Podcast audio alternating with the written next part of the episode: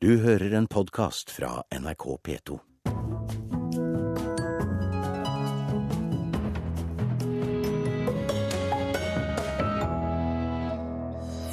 Du hører på Nyhetsmorgen i NRK P2 Alltid nyheter. Her er Kulturnytt med disse sakene i dag. Når den nye åndsverksloven trer i kraft, det skjer i dag, åpner også jakten på fildelerne. Dataselskapet Apples omdømme står på spill når rettssaken om e-bøker og ulovlig prissamarbeid foreløpig er avsluttet. Og Bjørnstjerne Bjørnson møter Kinas store poet i ny bok. Fra og med i dag gjelder den nye åndsverksloven. Med den kan både privatpersoner og firmaer selv etterforske ved mistanke om at filmer, bøker, musikk og annet opphavsrettsbelagt materiale er spredt ulovlig på internett. Willy Johansen, generalsekretær i Norges videogramforening, som eh, grupperer alle filmdistributørene i Norge. Hva får dere anledning til nå, som dere ikke kunne før? Ja, Først og fremst så er det jo muligheten i den nye åndsverksloven. Det er to punkter i den loven som er veldig viktige for oss. Eh, og Det første er jo det at det gir mulighet for eh, blokkering av visse ulovlige eh, sider. Og eh, punkt to det er jo at det er mulig å få tak i navn og adresse på visse IP-adresser hvis vi ønsker det. Ja, for Før var det altså kun et advokatfirma som hadde lisens til å gjøre dette. Nå holder det å melde fra til Datatilsynet. Eh, hva blir det første dere gjør da? Nei, Vi er allerede i gang med å, å se på å få blokkert Pirate Bay i Norge. Og vi, våre advokater er allerede i gang med å jobbe eh, med dette mot Telenor, som er den største tilbyderen i Norge. Og vi regner med at uh, Pirate Bay vil da bli blokkert i løpet av høsten. Men for at dette skal skje, så må altså domstolene gi en kjennelse. Ja. Det er ikke noe dere kan Nei. gjøre selv. Nei. Øystein Jacobsen, leder av Piratpartiet. Dere har vært imot loven, nå er det fortsatt. Eh, hvorfor? Vi mener at denne loven her uh, utvisker grunnleggende rettigheter, bl.a. Grunnloven paragraf 100, som sier at ytring, fri ytring skal finne sted. Og det andre er at uh, vi er imot uh, privatisering av etterforskning og håndheving av lov. Og det tredje er jo da at vi mener at loven ikke er nødvendig fordi at internett har ikke hatt noe beviselig negativt skadelig effekt på produksjon og tilgjengeliggjøring av kunnskap og kulturprodukter. Men det mener jo altså de som eier rettighetene til f.eks. filmer, musikk, bøker osv. Eh, og det har jo vært et problem for dem at politiet ikke har eh, kunnet etterforske nok. At Økokrim har ikke kunnet ta nok, tak i nok saker. Så nå løstes det på denne måten. Er ikke det en pragmatisk måte? Altså, De mener jo sikkert at uh, internett har vært skadelig for dem. Men uh, fagfellevurdert forskning sier noe annet. Det siste er i 2013, hvor uh, Joint Research Center, det samme som Teknologirådet bare for EU, sa at du ikke har hatt en målbar substitusjonseffekt. Det var òg i 2009 en undersøkelse gjort av to BI-studenter gjennom masteroppgave som sa at inntekter til musikere har økt med 75% i perioden 1999 til 2009. I 2009 så var det en Harvard-oppgave som eh, sa at eh, mengden kulturproduksjoner i verden osv. har økt.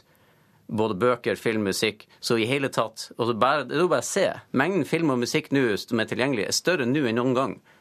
Men uansett, selv om den har vært redusert, så er ikke det grunn til å underminere grunnleggende rettigheter. For å ta dette siste punktet med, eh, med, produksjonen. Hvis det stemmer at det fortsatt selges eh, vel så mye som før, hvorfor bruker dere da så mye energi på å stanse ulovlig fildeling?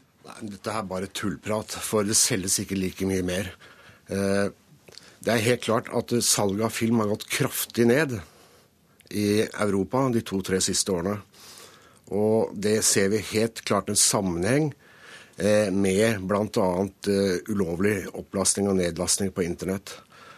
Eh, det ble foretatt, eller det er foretatt en undersøkelse i Skandinavia siden 2009, hvert kvartal, på dette med ulovlig nedlastning. Og den siste kom fra første kvartal i 2013. Og det viser at bare i Norge så lastet det ned eller opp ulovlig 15 millioner filmer per år. 40 millioner frittstående TV-episoder og 8,5 millioner hele TV-sesonger i Norge. Og det er klart, dette har effekt på, eh, på salget av fysiske produkter. Og da må jeg spørre deg i Piratpartiet, er det ikke det bra at folk får mer kontroll over egen eiendom? For du bestrider vel ikke at det er ulovlig å, å, å dele materiale som noen eier? Uh, nei. Altså, husk på at det her er jo ikke snakk om eiendom. Altså, Vi snakker om kopier her. Uh, hadde det vært eiendom, så hadde greia vært så mye enklere. For hadde du solgt meg et hus, så kan jeg gjøre akkurat hva jeg vil med det huset. Har du solgt meg en film, så kan jeg gjøre akkurat hva jeg vil med filmen, inkludert i å dele den med andre. Men her er ikke eiendom. Det er statsutstedte monopoler. Men åndsverk er jo også eiendom, i, selv om det gir rettigheter i en viss grad å dele det privat? Beklageligvis så er det ikke det. Det er ikke eiendom. Det er et åndsverk, og det har helt andre egenskaper om å behandles deretter. Hvor uh, Jeg kan nevne f.eks. det at de prøver å si at ei, ei nedlasting eller ett tapt salg, du kan ikke gjøre den sammenhengen. Men nå er jeg ikke her for å prøve å overbevise musikk- eller filmbransjen om, om det. Det, folk sjøl kan jo se, altså folk flest vil laste ned eller kopiere et eller annet når de ser på YouTube. Om det tilsvarer et, salg, et tapt salg, om de ville kjøpt varen, det, det, er noe helt annet. Nei, det er klart det er veldig vanskelig å vurdere hvor mye man taper eh, ved ulovlig nedlastning. Men et godt eksempel er det når eh, menneskene bak Pirate Bay ble dømt i svensk høyesterett til ganske lange fengselsstraffer. Eh, hvor eh, de ble dømt til å betale rettighetshavere 46 millioner i erstatning. Når den dommen kom ut, så steg salget kraftig i Sverige i mange, mange måneder etterpå. Og den ulovlige nedlastningen den gikk kraftig ned. Og det er vel et eksempel på at uh, når man stopper en del ulovlig nedlastning, så øker også salget av det fysiske produktet. Dere har ikke nådd frem i den politiske debatten uh, ennå, fordi denne loven gjelder jo da fra og med i dag. Vil dere fortsette kampen politisk i Piratpartiet? Selvfølgelig. Vi har jo forsøkt å fortelle det at denne loven her er ikke nødvendig. Vi har prøvd å fortelle at denne her loven strider mot uh, grunnleggende rettigheter, deriblant ytringsfrihet. Og det at du ikke skal ha et privatisert politi, det er for oss utålelig. Og Det er en annen og en politisk debatt som vi ikke kan ta her, men takk for at dere kom, begge to. Øystein Jacobsen, som leder Piratpartiet, og Willy Johansen, som er generalsekretær i Norges videogramforening.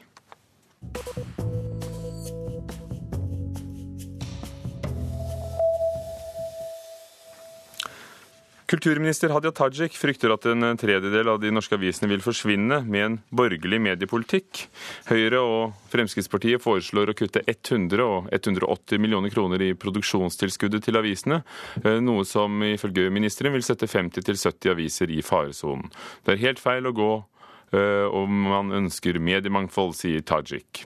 Og Klassekampens Bjørgulf Braanen mener slike kutt vil bety kroken på døren for disse avisene. Deler av avdøde Tore Holms kunstsamling skal selges, skriver Aftenposten. Holm etterlater seg en av Norges største private kunstsamlinger, bl.a. med mange bilder av Olivier Debré og andre som han fikk kontakt med gjennom galleristen Håken Christensen. Og Grunnen til salget er, at, eh, er, å få antallet verk ned på et nivå som er mer praktisk og økonomisk. Holm selv var med på å ta denne avgjørelsen om å minske samlingen. Samlingen inneholder både norsk og utenlandsk kunst fra etterkrigstiden, og Tore Holm viste den i løpet av mange utstillinger på flere steder. Tore Holm døde i mai i år. Stine Sofies stiftelse etterlyser fortgang i regler som kan forhindre drapsdømte i å skrive bok med detaljerte beskrivelser av hendelsen. Det er halvannet år siden dette ble foreslått for Justisdepartementet, som opplyser til NRK at saken vil komme på høring i løpet av året. Stiftelsens leder, Ada Sofie Austegard, mener dette er altfor sent. Nei, det ser jeg på som at det ikke prioriteres, og det syns jeg er svært trist. Og jeg håper ikke at vi skal komme i den situasjonen at det er fornærmede eller etterlatte der ute som skal få eh, den ekstrabelastninga det er. Eh, ikke la dem oppleve at myndighetene ikke har noe klart hvis dette her skal bli aktuelt. Og jeg tenker spesielt på 22. Terrordømte Anders Behring Breivik har varslet bok. Eh, og den boka kan være påbegynt, og den kan bli sendt til forlag og er allerede gått i trykken når, eh, når den blir gjort oppmerksom på dette her. Eh, og da er det for seint. Hun ønsker regler som i USA og Australia, der straffedømte eller forlag ikke kan tjene penger på detaljerte beskrivelser av drap. Men du kan samtidig ikke båndlegge ytringsfriheten, for den er viktig. Men du kan gjøre det sånn at de ikke skal kunne tjene på det. sa Ada Sofie Austegard til reporter Thomas Sommerseth.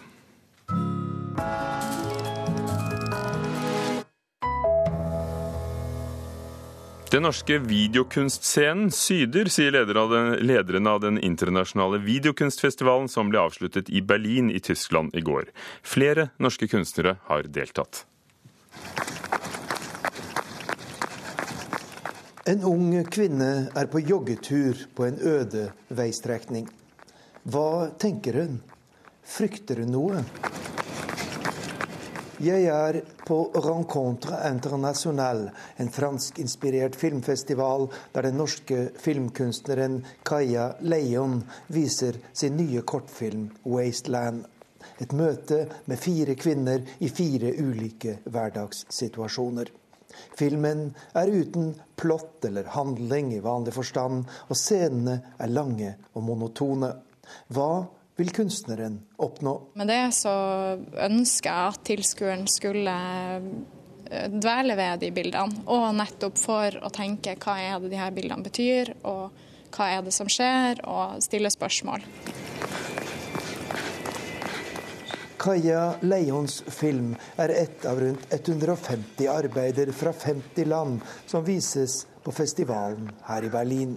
Rencontre International avvikles årlig i tre europeiske byer. Paris, Madrid og altså Berlin. Og de norske kunstnerne gir svært viktige bidrag, sier festivalens leder Jean-François Rettig. Il y a une scène en Norvège qui est très active.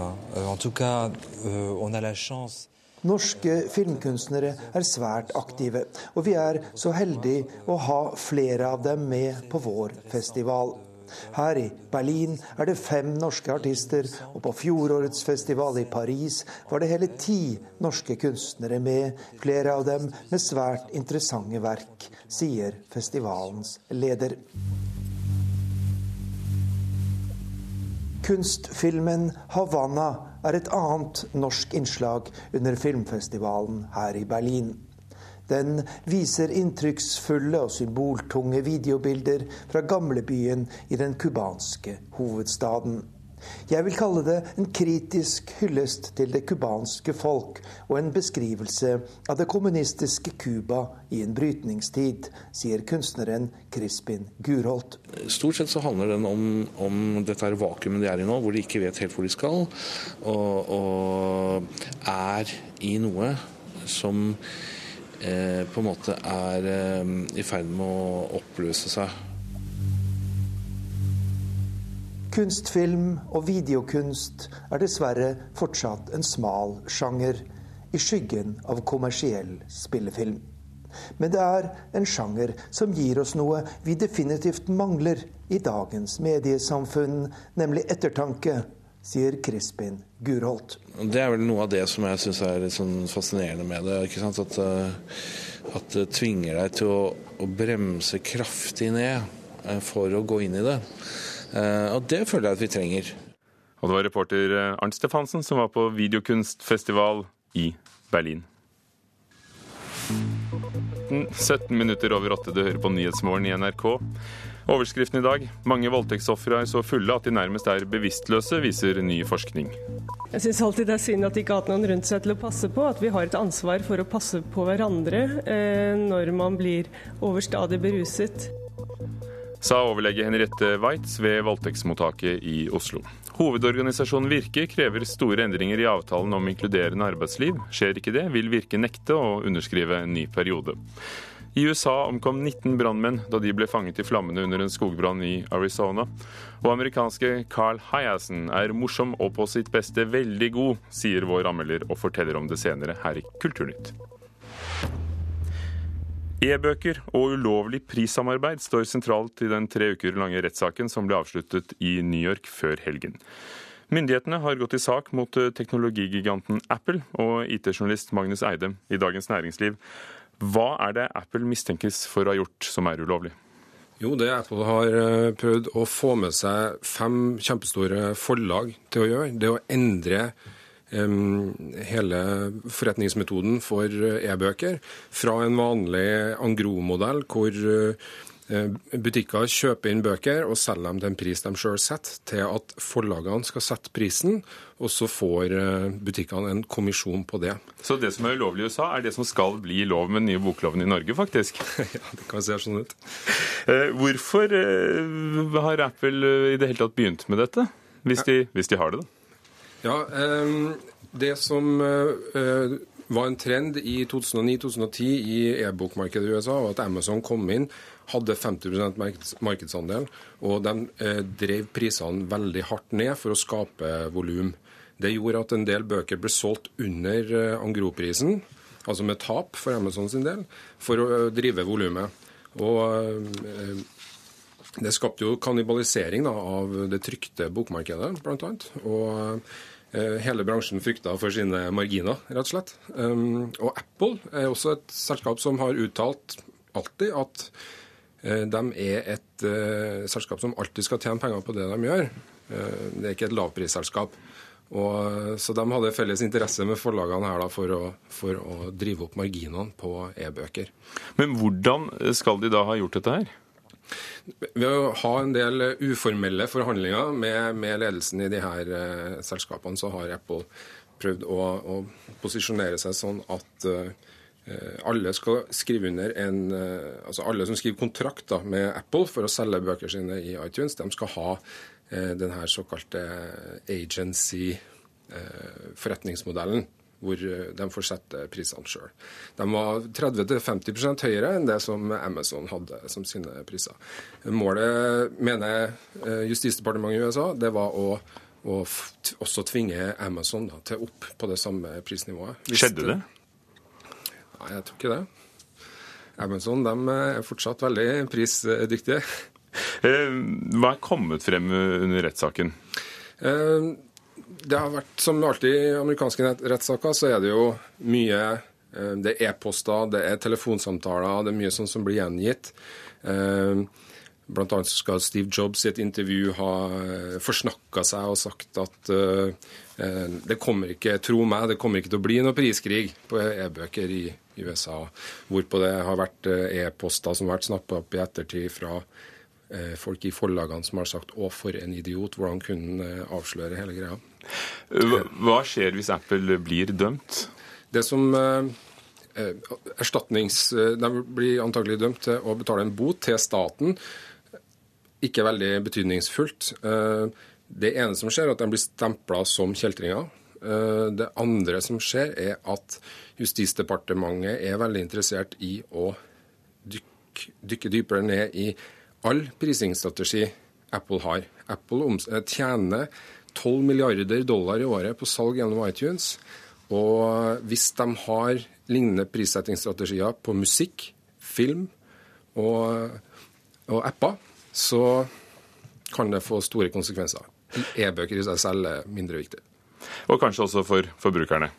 For forbrukeren vil det ha mye å si. Takk skal du ha, Magnus Eidem, IT-journalist i Dagens Næringsliv.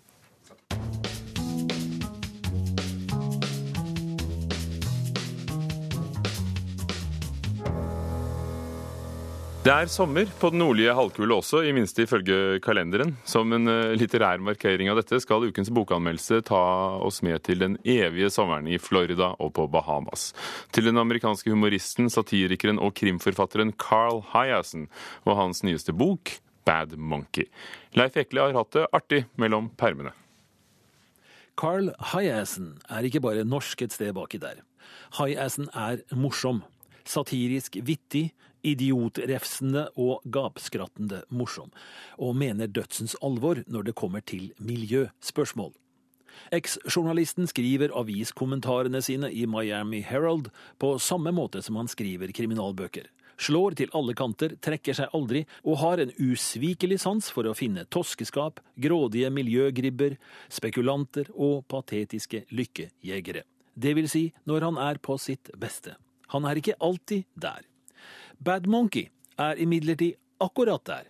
Uimotståelig morsom og temmelig klok. Vi starter med den slemme apen, Driggs. Litt komplisert blir det nok, men vi får se. Driggs startet karrieren som filmskuespiller og som Johnny Depps sidekick i den første Pirates of the Caribbean-filmen. Der fikk han sparken etter aggressiv atferd og litt for ekshibisjonistisk omgang med egne edlere deler. Han lå tynt an, men havnet hos en 64 år gammel hedersmann og øyboer på Bahamas.